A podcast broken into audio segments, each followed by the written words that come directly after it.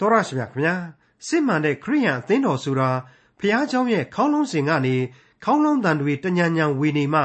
ဖះเจ้าရဲ့ခေါင်းမိုးပေါ်မှာလက်ဝါးကတိုင်ကိုအပေါ်ဆုံးမှတင်ပြီးစွလင့်မွန်းချွန်တွေရှိမှအသင်းတော်မဟုတ်ပါဘူးဒါတွေမရှိလဲစစ်မှန်တဲ့ခရိယန်အသင်းတော်ဖြစ်နိုင်ပါတယ်ခရိယန်အသင်းတော်ဆိုတာအပြင်မျက်စိနဲ့မမြင်ရမထိတွေ့ရပဲဝိညာဉ်အလင်းရှိသူတို့ရဲ့အတွင်းသဘောပေါင်းစပ်မှုသာလျှင်ဖြစ်ပါတယ်အဲ့ဒီလိုပေါင်းစပ်ဖွဲ့စည်းထားတဲ့ ခရိယန်တွေရဲ့အဖွဲ့အစည်းသည်သာလျှင်အသင်းတော်ဖြစ်ပြီးကယ်တင်ရှင်သခင်ယေရှုခရစ်တော်နဲ့တွေ့ဆုံရမှာဖြစ်ပါတယ်။ဒါဆိုရင်စစ်မှန်တဲ့ခရိယန်အသင်းတော်အဖွဲ့အစည်းအတွက်အဓိကလိုအပ်ချက်တွေကဘာတွေလဲဆိုတော့အမှန်တကယ်ယုံကြည်ခြင်းနဲ့စိတ်ဝိညာဉ်ဖြူစင်ခြင်းစစ်မှန်တဲ့နောင်တနှလုံးသားများသာလျှင်ဖြစ်ကြပါတယ်။လေးနဲ့လှတဲ့ဒီအချင်းအရာကိုဒီကနေ့တင်သိအပ်သောတမန်ကျမ်းအစီအစဉ်မှာလေ့လာမှာဖြစ်တဲ့ခရိယန်တမန်ကျမ်းဓမ္မသစ်ကျမ်းပိုင်းတွေက ယောမဩဝါဒစာအခန်းကြီး7အခန်းငယ်20ကနေအခန်းငယ်33အထိမှာတွေ့ရမှာဖြစ်ပါတယ်။ကယ်တင်ရှင်ယေရှုခရစ်တော်အပေါ်ခရိယန်တွေရဲ့ယုံကြည်ခြင်းကိုဖခင်เจ้าအဆောက်အဦကြီးတွေနဲ့တက်တည်ထူရမလား။တမိုင်းတလျှောက်ကောင်းသောသင်ခန်းစာများနဲ့တက်တည်ထူရမလားဆိုတာအလေးအနက်စဉ်းစားကြဖို့အတွက်ယောမဩဝါဒစာအခန်းကြီး7အခန်းငယ်20ကနေအခန်းငယ်33အထိကိုဒေါက်တာထွန်းမြတ်အေးကအခုလိုသုံးသပ်တင်ပြထားပါတယ်။ မိษွေတော်တတ်ရှင်အပေါင်းတို့ခမညာရိုင်းသောတန်လွင်ဆိုတဲ့တန်လွင်ပင်အရိုင်းနဲ့ဥပမာပေးခံရတဲ့အသင်းတော်ဆိုတာဟာယုံကြည်ခြင်းရှိသူတို့ရဲ့အစုအဝေးဖြစ်တယ်ဒီယုံကြည်သူတို့ကိုရိုင်းသောတန်လွင်ပင်လို့ခေါ်တာဟာတန်ဖိုးမရှိလို့ရိုင်းသောတန်လွင်ပင်ဆိုပြီးခေါ်တာမဟုတ်ဘူးရှေးမဆွကလေးကဘုရားသခင်အလိုတော်ရှိခဲ့သောအဓိကရဆန္ဒနဲ့သူ့ယင်ထဲမှာရှိနေခဲ့လို့ရိုင်းသောတန်လွင်လို့ခေါ်ဆိုတာပဲဆိုပြီးတော့ကျွန်တော်တင်ပြခဲ့ပြီးဖြစ်ပါတယ် တခါအဲ့ဒီရိုင်းသောတန်လွင်ကိုတန်လွင်ပင်ဖြစ်တဲ့ဣသရေလအငုတ်အတက်ကနေမှဆက်လက်ရှင်သန်ခွင့်ရဖို့ဘုရားသခင်စိုက်ပျိုးတော်မူတယ်ဆိုတာကိုလေကျွန်တော်တို့တွေ့ကြရပြီးဖြစ်ပါတယ်ဒီကနေ့ဖို့မှာတော့အဲ့ဒီအချက်တွေကိုဆက်ပြီးတော့ရှင်းလင်းနိုင်ဖို့အတွက်ယောမဩဝါဒစာအခန်းကြီး7အငယ်20ကိုအစပြုကြပါအောင်စို့မယုံကြည်သောစိတ်ရှိသောကြောင့်သူတို့ကိုချိုးဖဲ့သည်ဖြစ်၍သင်သည်ယုံကြည်ခြင်းအပြင်သာတည်၏မာနစိတ်မရှိစေနှင့်ကြောက်ခြင်းစိတ်ရှိစေလော့ အဲ့ဒါဟာဣသရေလရဲ့ဘဝပုံစံပါပဲမယုံကြည်ခြင်းစိတ်ဓာတ်တဲ့ဘလောက်ရည်စရာကောင်းတဲ့ဖော်ပြချက်လေကျွန်တော်ခရိယန်တွေအချင်းချင်းသိပြီးပြောတတ်ကြတယ်လေယုံကြည်ခြင်းစိတ်အားကြီးတယ်တဲ့ဒီလူကြီးကသိပြီးတော့ယုံကြည်ခြင်းကောင်းတယ်တဲ့ဘိုးဘေးတို့ဤယုံကြည်ခြင်းကိုမှီအောင်လိုက်ရမယ်တဲ့ယုံကြည်ခြင်းခွန်အားကိုအဲ့ဒီလိုချီးမွမ်းထောပနာပြုကြတယ်ဟုတ်တယ်ယုံကြည်ခြင်းခွန်အားကြီးမားဖို့ဆိုတာဟာကျွန်တော်ခရိယန်တွေအဖို့အလွန်အရေးကြီးတဲ့အရာ မရှိမဖြစ်တဲ့အရာမှန်ကျွန်တော်တို့သိပါတယ်မယုံကြည်ခြင်းခွန်အားများကြီးမားဖို့တော့မကြိုးစားကြပါလိမ့်နဲ့အနန္တတကုရှင်ဘုရားသခင်ပေးတဲ့အနန္တဘဝအသက်တာဆိုတာဟာအဲ့ဒီယုံကြည်ခြင်းကလေးနဲ့သာကျွန်တော်တို့မျှော်လင့်နေရတာကျမ်းစာကိုစစ်စစ်ပြန်ဖတ်ကြည့်စေချင်ပါတယ်သင်သည်ယုံကြည်ခြင်းအားဖြင့်သာတည်၏မာနမရှိစေနှင့်ကြောက်ချင်းစိတ်ရှိစေလောတဲ့အတိတ်ဘယ်ကတော့တခြားမဟုတ်ဘူးဖျားသခင်ကိုယုံကြည်ခြင်းအရာမှာကိုယ်အင်ကိုအား ကိုယ့်ရဲ့လူစွန့်ပကတတ္တိအပေါ်မှာမာနမထားရပါဘူးကိုကအသင်းတော်ကောင်းဆောင်ကိုကသာရဏပြုဆရာတယောက်ကိုကဘလောက်အလှငွေတွေထည့်ဝင်ထားရတယ်ဆိုတဲ့အချက်တွေဟာအဓိကမဟုတ်ဘူးကိုကဘာဘွယ်ရူးကြီးတွေရှိနေတယ်ဆိုတာဟာလေကြွားเสียအကြောင်းမရှိဘူးယုံကြည်ခြင်းသာရှိစေရာဆိုတာကိုရှင်ပေါလုဒီနေရာမှာအလေးအနက်ပြုပြီးဖော်ပြလိုက်ပါတယ်အငယ်27အကြောင်းမူကားဘုရားသခင်သည်ပဂရိအခက်များကိုနှမျောတော်မမူလျင်သင်တို့ကိုနှမျောတော်မူမည်လော စောစောကဖော်ပြခဲ့တဲ့ကြောက်စိတ်ရှိကြဆိုတာနဲ့ဆက်နွယ်နေပါတယ်ပဂရိအခက်တွေကိုတောင်းမှမနှမျောသေးရင်ခမည်းတော်ကိုရောနှမျောနေမှာလားတဲ့ဗျောင်ကြီးပေါလုကပြောလိုက်တယ်ဗမာစကားမှာကြောက်ချစ်ယိုသေးဆိုတဲ့စကားရှိပါတယ်ကြောက်စိတ်ရှိကြပါဆိုတာနဲ့ဆက်ဆက်ပြီးတော့ကျွန်တော်ကပြောတာပါကျွန်တော်ရဲ့ဆရာသမားတွေဖခင်တွေအထက်လူကြီးတွေနဲ့သက်ဆိုင်လို့ကြောက်ရမယ်ချစ်ရမယ်ယိုသေးရမယ်ဆိုတဲ့အဆုံးအမပေါ့ အဲ့ဒီပုံကိုကြီးတွေအပအဝင်ကျွန်တော်ကျမတို့အကြောက်ရဆုံးအချစ်ရဆုံးနဲ့အယိုသေးရဆုံးသူကတော့ကောင်းကင်ဘုံရှင်ထာဝရဘုရားသခင်ပဲဘာဖြစ်လို့လဲဆိုတော့စัจ java လာအနန္တသူ့ပိုင်နေလေကျွန်တော်ကြောက်ချစ်ယိုသေးရတဲ့လူကြီးတွေလေတယောက်ပြီးတယောက်သူခေါ်ခေါ်သွားလို့အတုပတွေကျွန်တော်လက်လိုက်ပို့နေရတာပဲမဟုတ်ဘူးလားတော်ကြမန်းတက်တွေထိုးရရက်တောင်တွေမှားရအောက်မေ့ပွဲစီဝေးကြီးတွေလှုပ်ရနေမုံဟင်းကားတွေကျွေးရနေအချိန်ချင်းဖြစ်နေကြရတယ်မဟုတ်ဘူးလားသူတို့ကြီးပဲသေတာမဟုတ်သေးဘူးလေ ကိုလည်းတနေ့တော့ဒီလိုပဲအနန္တတကုရှင်ခေါ်ရကိုကောက်ကောက်ပါအောင်သွားအောင်မှမလွဲ့ဧကံမဲအဲ့ဒီတော့သေလူတွေသာဖြစ်တဲ့ကျွန်တော်တို့တွေဟာကို့ဘိုးဘေးဘီဘင်ဒီကိုကြောက်ချစ်ယူသေးသေးတယ်ဆိုရင်အနန္တလောကကိုပိုင်သပြီးတော့ကျွန်တော်ဘဝတစ်ခုလုံးကိုကျွန်တော်ရဲ့သမိုင်းတစ်ခုလုံးကိုပိုင်သအုပ်ဆိုးတဲ့ဘုရားသခင်ကိုကျွန်တော်ဟာမုတ်ချမသွေကြောက်ချစ်ယူသေးကြရလိမ့်မယ်အခုဒီကျမ်းဟာကျွန်တော်တယောက်စီကိုကြီးပဲခြောက်လှန့်ပြီးပြောနေတာမဟုတ်သေးပါဘူးယုံကြည်သူတို့ရဲ့အသင်းတော်ကိုလည်းဖော်ပြပါတယ် ချင်းချောက်တယ်ပဲဆိုဆိုအရေးကြီးလွန်းလို့ပေါလုဟာပြင်းပြင်းထန်ထန်သတိပေးလိုက်တဲ့သဘောတက်ရောက်ပါတယ်ကျွန်တော်ဖွင့်ဆိုခဲ့မှုတဲ့အတိုင်းပဲယုံကြည်သူတို့ရဲ့အသင်းတော်ကိုဘုရားသခင်ဟာဒုက္ခကပ်ကာလမတိုင်မီကလေးကသိမ့်စီမယ်တနည်းအားဖြင့်သူနဲ့အတူကောင်းကင်ဘုံမှာငြိမ်းချမ်းသာယာခွင့်ကိုပေးမယ်တနည်းအားဖြင့်လူတို့ကြံစည်၍မမိနိုင်သောကောင်းကြီးမင်္ဂလာကိုခံရစေမယ်ပေါ့အေးအဲ့ဒါအသင်းတော်တိုင်းလို့ပြောလို့မရဘူး ဥပမာဗျာဒိတ်ကျမ်းအခန်းကြီး3တဲ့ကလော်တီကီမြို့အသင်းတော်လို့အသင်းတော်မျိုးဆိုရင်အဲ့ဒီလိုအနှမျောမခံရဘူးဖြစ်နေတယ်အကျင့်ပြက်နေတယ်ယုံကြည်ခြင်းစံချိန်မမှီဘူးတဲ့ဒါကြောင့်မလို့နောင်တပြန်ပြီးရကြဆိုပြီးတော့သတိပေးထားတာကိုကျွန်တော်ရှင်းရှင်းလေးပဲတွေ့ရပါတယ်ဗျာဒိတ်ကျမ်းအခန်းကြီး3ထဲမှာပြန်ပြီးတော့ဖတ်ကြည့်ကြပါအဲ့ဒီလော်တီကီမြို့အသင်းတော်ကိုတစ်ဖက်ကသတိပေးထားခဲ့သလိုအဲ့ဒီအခန်းကြီး3ထဲမှာပဲဖိလဒေလဖိသို့မဟုတ် အခုအင်္ဂလိပ်စကားနဲ့ဆိုရင်တော့ Philadelphia ပေါ့အဲ့ဒီအသင်းတော်ကိုကြပြန်တော့ဝိညာဉ်တော်ဟာချီးမွမ်းကံဖွင့်ထားတယ်ဆိုတာကိုကျွန်တော်တို့တွေ့တူပြိုင်တွေ့ရပါသေးတယ်အငယ်30မှာ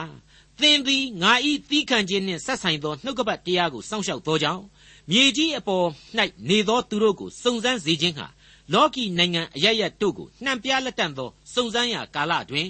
သင်ကိုငါစောင့်ရှောက်မည်ဆိုတဲ့အချက်ပဲဖြစ်ပါတယ် လောကီအရရမှာစုံစမ်းရာကာလဆိုတာဟာအင်္ဂလိပ်လိုကတော့ tribulation period လို့ခေါ်တဲ့ကပ်ကာလပဲဖြစ်ပါတယ်ကမ္ဘာလောကကြီးတစ်ခုလုံးအပေါ်မှာတက်ရောက်မဲ့ကပ်ကာလကြီးပါမိษွေအပေါင်းတို့ခမညာခေါင်းလောင်းတန်ပေါ်ထွက်မှအသင်းတော်မဟုတ်သလိုကားတိုင်းတော်ကိုထိတ်ကတင်ပြီးတော့စုလက်မွန်းကြွတွေရှိမှအသင်းတော်လို့မခေါ်တွင်နိုင်ပါဘူးအသင်းတော်ဆိုတာဟာဝိညာဉ်အလင်းရှိသူတို့ရဲ့အပြင်မျက်စိနဲ့မမြင်ရမထိတွေ့ရသောအတွင်းသဘောပေါင်းစပ်မှုသာဖြစ်ပါတယ် အဲ့ဒီလိုအဖွဲ့အစည်းဖြစ်တဲ့ယုံကြည်သူတို့ရဲ့အသင်းတော်ဆိုတာဟာသာခရစ်တော်နဲ့တွေ့ဆုံရမှာဖြစ်ပါတယ်အမှန်တကယ်ယုံကြည်ခြင်းနဲ့စိတ်ဝိညာဉ်ဖြူစင်ခြင်းမှန်ကန်သောနောင်တနှလုံးသားများသားလျှင်အဓိကရလိုအပ်ချက်ပဲဖြစ်ပါတယ်ဣသရေလနိုင်ငံကိုပြန်လဲထိမ့်သိမ်းခြင်းဆိုတဲ့အပိုင်းနဲ့ပတ်သက်လို့ယောမဩဝါဒစာကနေဘယ်လိုဆက်လက်တင်ပြသွားအောင်မယ်ဆိုတာကိုအငယ်22ကနေဆက်လက်လေ့လာကြည့်ကြပါစို့တို့ဖြစ်၍လဲသောသူတို့၌ပြင်းစွာစီရင်တော်မူခြင်းကို၎င်း ကျေးဇူးတော်၌သင်သည်တည်နေလျင်သင်၌ပြုတော်မူသောကျေးဇူးတော်ကို၎င်းဤနှစ်ပါးကိုအောက်မေ့လော့ကျေးဇူးတော်၌မတည်မနေလျင်သင်သည်လည်းခုတ်ပစ်ခြင်းကိုခံရမည်ပြင်းထန်တဲ့စီရင်ခြင်းဆိုတဲ့အချက်နဲ့ကျေးဇူးတော်ဆိုတဲ့အချက်တူပြိုင်တည်နေလေတဲ့ဒါဟာလူသားတို့အလွန်သိနာလေထားရမယ့်အချက်ရင်ဝယ်ပိုက်ထားရမယ့်အထူးအရေးကြီးသောအချက်ကြီးပါပဲမိษွေအပေါင်းတို့ခမညာ AD 80ပြည့်နှစ်အချိန်မှာ ဣသရေလတို့ဟာယောမအာနာရှင်တိုက်တက်စ်ကနေတဆင့်ပြင်းထန်စွာစီရင်ခြင်းကိုခံခဲ့ရသလိုသူ့ရဲ့နောက်ဆက်တွဲသမိုင်းဟာလေတခါမှလှပခြင်းမရှိခဲ့ပါဘူးယင်နှင့်ပွဲအမျိုးမျိုးနဲ့ဒုက္ခတွေအမျိုးမျိုးနဲ့ရင်ဆိုင်ကြုံတွေ့ခဲ့ရပါတယ်ဒုတိယကဘာစစ်ကြီးအတွင်းမှာဂျူးတွေဘယ်လိုကြမားစိုးတွေညင်ခဲ့ရတယ်ဆိုတာကိုလေကျွန်တော်ရဲ့လက်လန်းမီတဲ့စာအုပ်စာပေတွေနဲ့သာအခိုင်အမာပြန်ပြီးတော့တိုက်ဆိုင်စစ်ဆေးကြည့်ကြပါတော့လို့ကျွန်တော်တိုက်တွန်းခြင်းပါတယ် အဲ့ဒီလိုဣသရေလတို့ရဲ့မိုက်မဲခြင်းနဲ့ခံစားရအပြစ်ဒဏ်တွေအကြောင်းကိုကြည့်မစင်စားပဲနဲ့ကိုပါဝင်တဲ့အသင်းတော်တို့ဟာလေလူသားရဲ့ဇာတိပဂရိဘက်မှာအာသန်နေလေသလားဝိညာဉ်အလင်းတောက်ပခြင်းမှရှိကြလေရဲ့လားလော်ဒီကီအသင်းတော်လူမပူမအေးပျော့ပြဲပြဲကြီးများဖြစ်နေကြသလားဆရာဒီကိုကျွန်တော်ဆန်းစစ်နားလည်ကြရပါလိမ့်မယ်ပြန်လဲဝေဖန်သုံးသပ်ခြင်းပြုကြရပါလိမ့်မယ်နှစ်ပေါင်း2000ရှိခဲ့တဲ့ယုံကြည်ခြင်းဆိုတာဟာ အဆောက်အဦကြီးတွေနဲ့ပဲတက်တည်ထူရမလားကောင်းသောသင်ခန်းစာသမိုင်းသင်ခန်းစာစာမျက်နှာများနဲ့တက်တည်ပြရမလားဆိုတဲ့အချက်တွေကိုကျွန်တော်ပြန်လဲစဉ်းစားဖို့လိုအပ်လာပါတယ်ယုံကြည်သူမိษွေတို့အနေနဲ့ကိုယ့်ကိုယ်ကိုပြန်လဲတွေးဆအဖြေရနိုင်ကြပါစေကျေးဇူးတော်ကိုပို့ပြီးတော့တောင်းတနိုင်ကြပါစေရယူခံစားနိုင်ကြပါစေလို့ကျွန်တော်အလေးအနက်ဆုတောင်းပေးလိုက်ပါရစေအငယ်23သူတို့သည်မယုံကြည်သောစိတ်ပျောက်လျင် အပင်၌တဖန်ဆက်၍စိုက်သောအခွင့်ကိုရကြလိမ့်မည်သူတို့ကိုတဖန်ဆက်၍စိုက်ခြင်းဟာဘုရားသခင်တတ်နိုင်တော်မူ၏ဒီလောက်အထိသူအသုံးပြုခဲ့တဲ့လူမျိုးတော်သူ့ရဲ့မွေးစားသားအဖြစ်မွေးစားထားခဲ့တဲ့အမျိုးပရိညင်တွေနဲ့ထုံးဖွဲ့ထားတဲ့လူမျိုးတော်သူတို့ဟာတနေ့နေ့တစ်ချိန်ချိန်မှာပြန်ပြီးတော့ဘုရားသခင်ရဲ့စကားတော်ကိုနားထောင်လာကြလိမ့်မယ်အဲ့ဒီလိုနှလုံးသားပြောင်းလဲစေခြင်းအတွက်လေဘုရားသခင်ဟာတတ်နိုင်တော်မူတယ်လို့ဒီနေရာမှာပေါလုဆိုလိုက်ပါတယ် ဒါကိုဇာခရိအနာဂတိကျမ်းအခန်းကြီး7အငယ်30နဲ့လဲရှင်းပြီးတော့ကျွန်တော်တို့ကြည့်နိုင်ပါတယ်ကျေးဇူးတော်ကိုခံသောသဘောဆုတောင်းပတနာပြုသောသဘောကိုဒါဝိဒ်မင်းမျိုးယေရုရှလင်မြို့သားတို့အပေါ်သို့ငါသွန်းလောင်းသဖြင့်သူတို့သည်မိမိတို့ထိုးဖောက်သောငါကိုရှုမြင်ရကြလိမ့်မည်တယောက်ထီးသောသားအတွက်အဖသည်ငိုကြွေးမြည်တမ်းတဲ့ကဲ့သို့ထိုသူအတွက်ငိုကြွေးမြည်တမ်းရလိမ့်မည်သားဦးအတွက်အဖသည်နာကြီးတဲ့ကဲ့သို့နာကြီးရကြလိမ့်မည်ဘလောက်ပိုင်တဲ့အနာဂတ်ကျမ်းလေ ခရစ်တော်ကိုတဲ့တဲ့ကြီးဗျာဒိတ်နဲ့ဖော်ပြလိုက်ခြင်းပဲဖြစ်ပါတယ်ဒါဟာခရစ်တော်မပေါ်ခင်အ ਨੇ ဆုံးနှစ်ပေါင်း400ခန့်ကဗျာဒိတ်တော်ဖြစ်ပါတယ်ဒီလူမျိုးတော်ဟာကိုယ့်အပြစ်တွေကိုကိုယ်ပြန်လည်မြင်လာကြရမယ်ခရစ်တော်ကိုငါတို့သတ်ခဲ့ကြတာပဲဒီခရစ်တော်အဖျင်သာကယ်တင်ခြင်းတရားဆိုတာဟာအမှန်တကယ်ဖြစ်တည်လာရတာပါလားဆိုတဲ့အသိစိတ်တနေ့နေ့တစ်ချိန်ချိန်မှာဝင်လာရကြလိမ့်မယ်။နောင်တနဲ့ကြိုးပဲ့ကြေမွားတဲ့စိတ်ခံစားချက်တွေဖြစ်ပေါ်လာကြလိမ့်မယ်ဆိုတဲ့ဗျာဒိတ်စကားပဲဖြစ်ပါတယ်။ မိတ်ဆွေအပေါင်းတို့ခမညာဒါဘုရားသခင်နဲ့ပတ်သက်လို့ဘယ်နည်းနဲ့မှလူသားဟာကြံစီတွေးဆပြီးတော့မှီနိုင်ခြင်းမရှိဘူး။ကျေးဇူးတော်ဆရာဟာသူ့ရဲ့စီရင်ပိုင်ခွင့်နဲ့အတူတည်နေလေရဲ့ဆရာကိုရှင်းလင်းဖော်ပြလိုက်ခြင်းပဲဖြစ်ပါတယ်။ဒါကြောင့်လဲဓမ္မတိချင်းတစ်ပိုက်မှာဆိုရင်အပါမေယချစ်ချင်းမြတ်တာကောင်းကင်ဘုံပီတိကြွလျက်ဆိုပြီးတော့ဖော်ပြထားပါတယ်အဲ့ဒါဟာအံ့ဩပွေအံ့ဩမကုံနိုင်ပွေတည်နေတဲ့ဘုရားသခင်ရဲ့ချစ်ချင်းမြတ်တာတော်သဘောတရားပဲဖြစ်ပါတယ် အငယ်24အဘယ်သို့နည်းဟုမူကားပဂရိရိုင်းသောတန်လွင်ပင်မှသင်ကိုခုတ်ယူ၍ကောင်းသောတန်လွင်ပင်၌ပဂရိကိုမလိုက်ဖဲဆက်၍လိုက်သည်မှန်လျင်ပဂတိဘက်ဖြစ်သောထိုသူတို့သည်မိမိတို့တန်လွင်ပင်၌ဆက်၍စိုက်သောအခွင့်ကိုသာ၍ရကြမည်မဟုတ်လောစကလုံးအထားအတူကြောင့်မျက်စိမလဲကြပါနဲ့တပားမျိုးသားတွေအပေါ်မှာတောင်မှငါဟာကောင်းကြီးတွေအခုလိုပေးနေသေးရင် မင်းတို့ရွေးကောက်တော်မူသောဣသရေလတွေကိုမပေးဘဲနေပါမလားဆိုတဲ့အတိတ်ပဲကိုရှင်ပေါလုဆိုလိုခြင်းဖြစ်ပါတယ်နောက်တစ်ခုမှတ်သားရမှာကတော့ခရစ်တော်ကိုယုံကြည်လက်ခံခြင်းဆိုတာဟာဣသရေလဆိုတဲ့လူမျိုးတော်ရဲ့အတိတ်သမိုင်းတွေကျင့်စဉ်တွေပြည့်ညတ်တော်တွေနဲ့ဆက်ဆက်မှုရှိနေတယ်ဆိုတာကိုပါပဲဒါကြောင့်လဲကျွန်တော်ကဂျူးဆန့်ကျင်ရေးဆိုတာဟာဘုရားသခင်ကသူ့ဟာသူဒဏ်ခတ်ခတ်မခတ်ခတ်ကိုကဝင်ပြီးတရက်ခန့်မလုပ်ကြပါနဲ့ဓာခုတ်ရလက်ဝင်မရှို့ကြပါနဲ့ဆိုပြီးတော့ကျွန်တော်ပြောခဲ့ခြင်းဖြစ်ပါတယ် ကျွန်တော်ရဲ့ရှေ့မှာတင်ဒီလူမျိုးတော်ဟာသားအရာနဲ့အမှတ်တညာပြုတဲ့လူမျိုးပရိညင်တွေအစဉ်အလာတွေပြည့်ညတ်တော်တွေဗျာဒိတ်တော်တွေနဲ့ရစ်ပတ်ထားတဲ့လူမျိုးဆိုတာကိုလေကျွန်တော်အကြိမ်ကြိမ်သိနာလေခဲ့ရပြီဖြစ်ပါတယ်ဓမ္မသမိုင်းဟာဒါကိုအကြိမ်ကြိမ်ဖော်ပြခဲ့ပြီးပါပြီအငယ်25မှ29ညီအကိုတို့သင်တို့သည်ဝါကြွားသောစိတ်မရှိစေမည်အကြောင်းတပါးမျိုးသားအပေါင်းတို့သည်မဝင်မီတိုင်အောင်ဣသရေလလူအချို့တို့ကိုမှောင်မိုက်ဖုံးလွှမ်းခြင်းအကြောင်းဒီဟုသော နည်းနည်းသောအရာကိုမသိဘဲနေစေခြင်းဟာငါအလိုမရှိထို့သောကျမ်းစာနှင့်အညီဣသရေလလူအပေါင်းတို့သည်ကဲတင်ခြင်းသို့ရောက်ကြလိမ့်မည်ကျမ်းစာချက်ဟူမူကားကဲလွတ်သောသခင်သည်ဇီးအောင်တောင်ပေါ်၌ဇီးအောင်တောင်၌ပေါ်ထွန်း၍မတရားသောအမှုကိုယာကုပ်အများအမျိုးသားတို့ထံမှလွှဲတော်မူလတံသူတို့အပြစ်များကိုငါပယ်ရှင်းသောအခါသူတို့၌ငါပေးသောဗြိညင်တရားသည်ထိုသို့သောတရားဖြစ်သည်ဟုလာသည် အခုဖော်ပြခဲ့တဲ့အပိုင်းဟာရှင်ပေါလုရဲ့ယုံကြည်ခြင်းအင်အားရဲ့ဒီယုံကြည်ခြင်းနဲ့အမှုတော်ကိုဆောင်ရွက်ရမှာထားရှိတဲ့မြင့်မြတ်သောခံယူချက်တို့တွေရဲ့ကိုရှင်းပြလိုက်တယ်လို့ပဲရှိပါတယ်သူဒီဩဝါဒစာကိုရေးနေတဲ့အချိန်ကာလမှာတပါးမျိုးသားဖြစ်တဲ့အဲ့ဒီအချိန်ကဘာမြေကြီးမှာခရစ်တော်ကိုယုံကြည်ခြင်းမျိုးစေ့ဟာစတင်ရှင်ရှင်သန်ပြီးတော့နေခဲ့ပါပြီဣသရေလတို့အဖို့ကတော့ဒီကယ်တင်ခြင်းတရားကိုသူတို့ကနေသာစတင်ပေါက်ဖွားတယ်ကိုယ်တိုင်ကမခံစားတတ်ကြဘူး သူတို့ဟာပြည့်ညတ်တော်တွေကိုသာဆွဲလန်းနေစေရှိတယ်ဆွဲလန်းလို့လိုက်နာနိုင်ကြသလားဆိုပြန်တော့လေအတိအကျမလိုက်နာနိုင်ကြပြန်ဘူးအဲ့ဒီလိုကိုယ်တိုင်ကမိမိတို့ကိုးစားပါတယ်ဆိုတဲ့ပြည့်ညတ်တော်တွေအတိုင်းမလိုက်နိုင်တာနဲ့လေပတ်သက်ပြီးတော့မာနာကြီးတစ်ခွဲသားနဲ့လုံးဝဝန်ခံခြင်းမပြုဘူးအဲ့ဓာတွေကိုပေါလုကရှင်းရှင်းပဲဝေဖန်ဖော်ထုတ်ပြလိုက်တယ်လင်မယားနှစ်ယောက်နှပန်းလုံးရံဖြစ်တယ်ယောက်ျားကပိန်သေးသေးကလေးဆိုတော့အောက်ကပြိနေတယ် ဒါပေမဲ့သိခါကအကြမခံနိုင်တော့အောက်ကနေပြီးတော့ပဲသူများကြားအောင်မှတ်ပလားဟနင်မှတ်ပလားဟနဲ့လုတ်တယ်ဆိုတဲ့ပုံစံမျိုးကိုဣသရေလလူမျိုးဟာအဲ့ဒီအတိုင်းအပေါက်ချိုးနေတယ်လို့ကျွန်တော်တို့တွေးနိုင်အောင်လို့ရှင်ပေါလုဖော်ပြလိုက်တာပါပဲအဲ့ဒီလိုအဟုတ်မဟုတ်တဲ့လွဲမှားနေတဲ့ခံယူချက်တွေကိုလျှော့ပြီးတော့ဝိညာဉ်အလင်းနဲ့ကျေးဇူးဂရုနာတော်ကိုသာလက်ခံရမယ်ဆိုတဲ့အသည့်ဟာဘယ်တော့မှရမှာလဲဆိုရင်တော့ကျေးဇူးတော်ကြောင့်တနေ့နေ့တစ်ချိန်ချိန်မှာရရှိမယ်လို့သာအထက်ကကြားခဲ့ရပြီးတာ တိကျတဲ့အချိန်ကာလကိုတော့တွက်ဆလို့ဘယ်သူမှမရနိုင်ပါဘူးယုံကြည်သူအသင်းတော်တို့ကိုခရစ်တော်သိမ်းဆည်းပြီးချိန်ကျမှရရှိလိမ့်မယ်လို့ဓမ္မသဘောတရားအမြင်အရသိနာလေထားရပါတယ်ဒီကျမ်းမှာနည်းနည်းသောအရာဆိုပြီးတော့ရှင်ပေါလုသုံးဆွဲလိုက်တဲ့ဝေါ်ဟာရအရာနှုတ်ကပတ်တော်ကပေါ်ထွက်တဲ့အဖြစ်တွေဟာကြာလေပုံမခိုင်ခန့်ရှင်းလင်းလေးလေးဖြစ်ရလိမ့်မယ်ဆိုတာကိုဖော်ပြထားပါတယ်ဟုတ်ပါတယ်ခရစ်တော်မပေါ်ခင်အ ਨੇ ဆုံးနှစ်ပေါင်း1500လို့ခန့်မှန်းရတဲ့အချိန်ကစပြီးတော့ စာရေးဆရာပေါင်း40ကျော်နဲ့ရေးသားလာခဲ့တဲ့တမန်ကျမ်းစာတော်မြတ်ဟာအစဉ်အတိတ်ပဲနည်းနည်းစမြဲရှိခဲ့ပါတယ်နည်းနည်းစေရှိပါတယ်အစဉ်တစိုက်လဲနည်းနည်းသွားအောင်မှာဖြစ်ပါတယ်လူဇာတိပဂရိအတွေးအခေါ်တစ်ခုတည်းလောက်နဲ့တော့ပြေဝတဲ့အဖြေကိုရဖို့ရန်ခက်ခဲနေလေအောင်မှာဧကန်အမှန်လည်းဖြစ်ပါတယ်ယောမဩဝါဒစာအခန်းကြီး7အငယ်28နဲ့29သူတို့သည်ဧဝံဂေလိတရားအားဖြင့်မူကားသင်တို့အကြောင်းကြောင့်ယံသူဖြစ်ကြ၏ ရွေးကောက်တော်မူခြင်းအားဖြင့်မူကားဘိုးဘေးများကြောင့်ချစ်သူဖြစ်ကြ၏အဘယ်သို့နည်းဟုမူကားဖျားသခင်ပေးသနာတော်မူခြင်းခေါ်ထားတော်မူခြင်းကျေးဇူးသည်ဖောက်ပြန်ခြင်းသဘောမရှိဣသရေလလူမျိုးတွေအဖို့ကယ်တင်ခြင်းတရားဆိုတဲ့ဝမ်းမြောက်ဖွယ်သတင်းဟာကျွဲပါစောင်းကြည့်တယ်လို့ဖြစ်ရတယ်ဆိုတာကိုထပ်ပြီးတော့တကြော့ပြန်ဖော်ပြလိုက်တယ်လို့ပါပဲဒါကြောင့်ဒီလူမျိုးတော်ဟာဂွာရီဂွာရာကြီးတွေဖြစ်သွားရတယ်အဲ့ဒါကိုရန်သူဆိုတဲ့ဆန့်ကျင်ဘက်အရက်ကလူတွေအဖြစ်ဖော်ပြလိုက်ပါတယ် ဒီနေရာမှာရန်သူဆိုတာကိုဓာတ်နဲ့ခုတ်ဒုတ်နဲ့ရိုက်ရမယ်ရန်သူလို့ဆိုလိုခြင်းအရှင်းမဟုတ်ပါဘူးဒါပေမဲ့တဲ့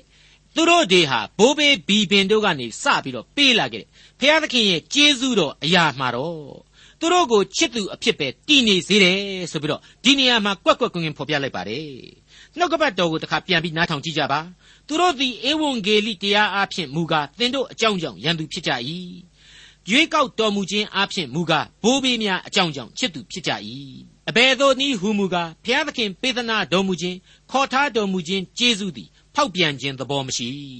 ရှင်းပါတယ်နော်ဖောက်ပြန်တာကဘုရားသခင်ရဲ့ချစ်ချင်းမေတ္တာတော်မဟုတ်ဘူးလူသားရဲ့နှလုံးသားကသာဖောက်ပြန်ခြင်းဘုရားသခင်ရဲ့ပေးသနာတော်မူခြင်းနဲ့ခေါ်ထားတော်မူခြင်းကျေးဇူးတော်တဲ့ဘလောက်လှပတယ်လေ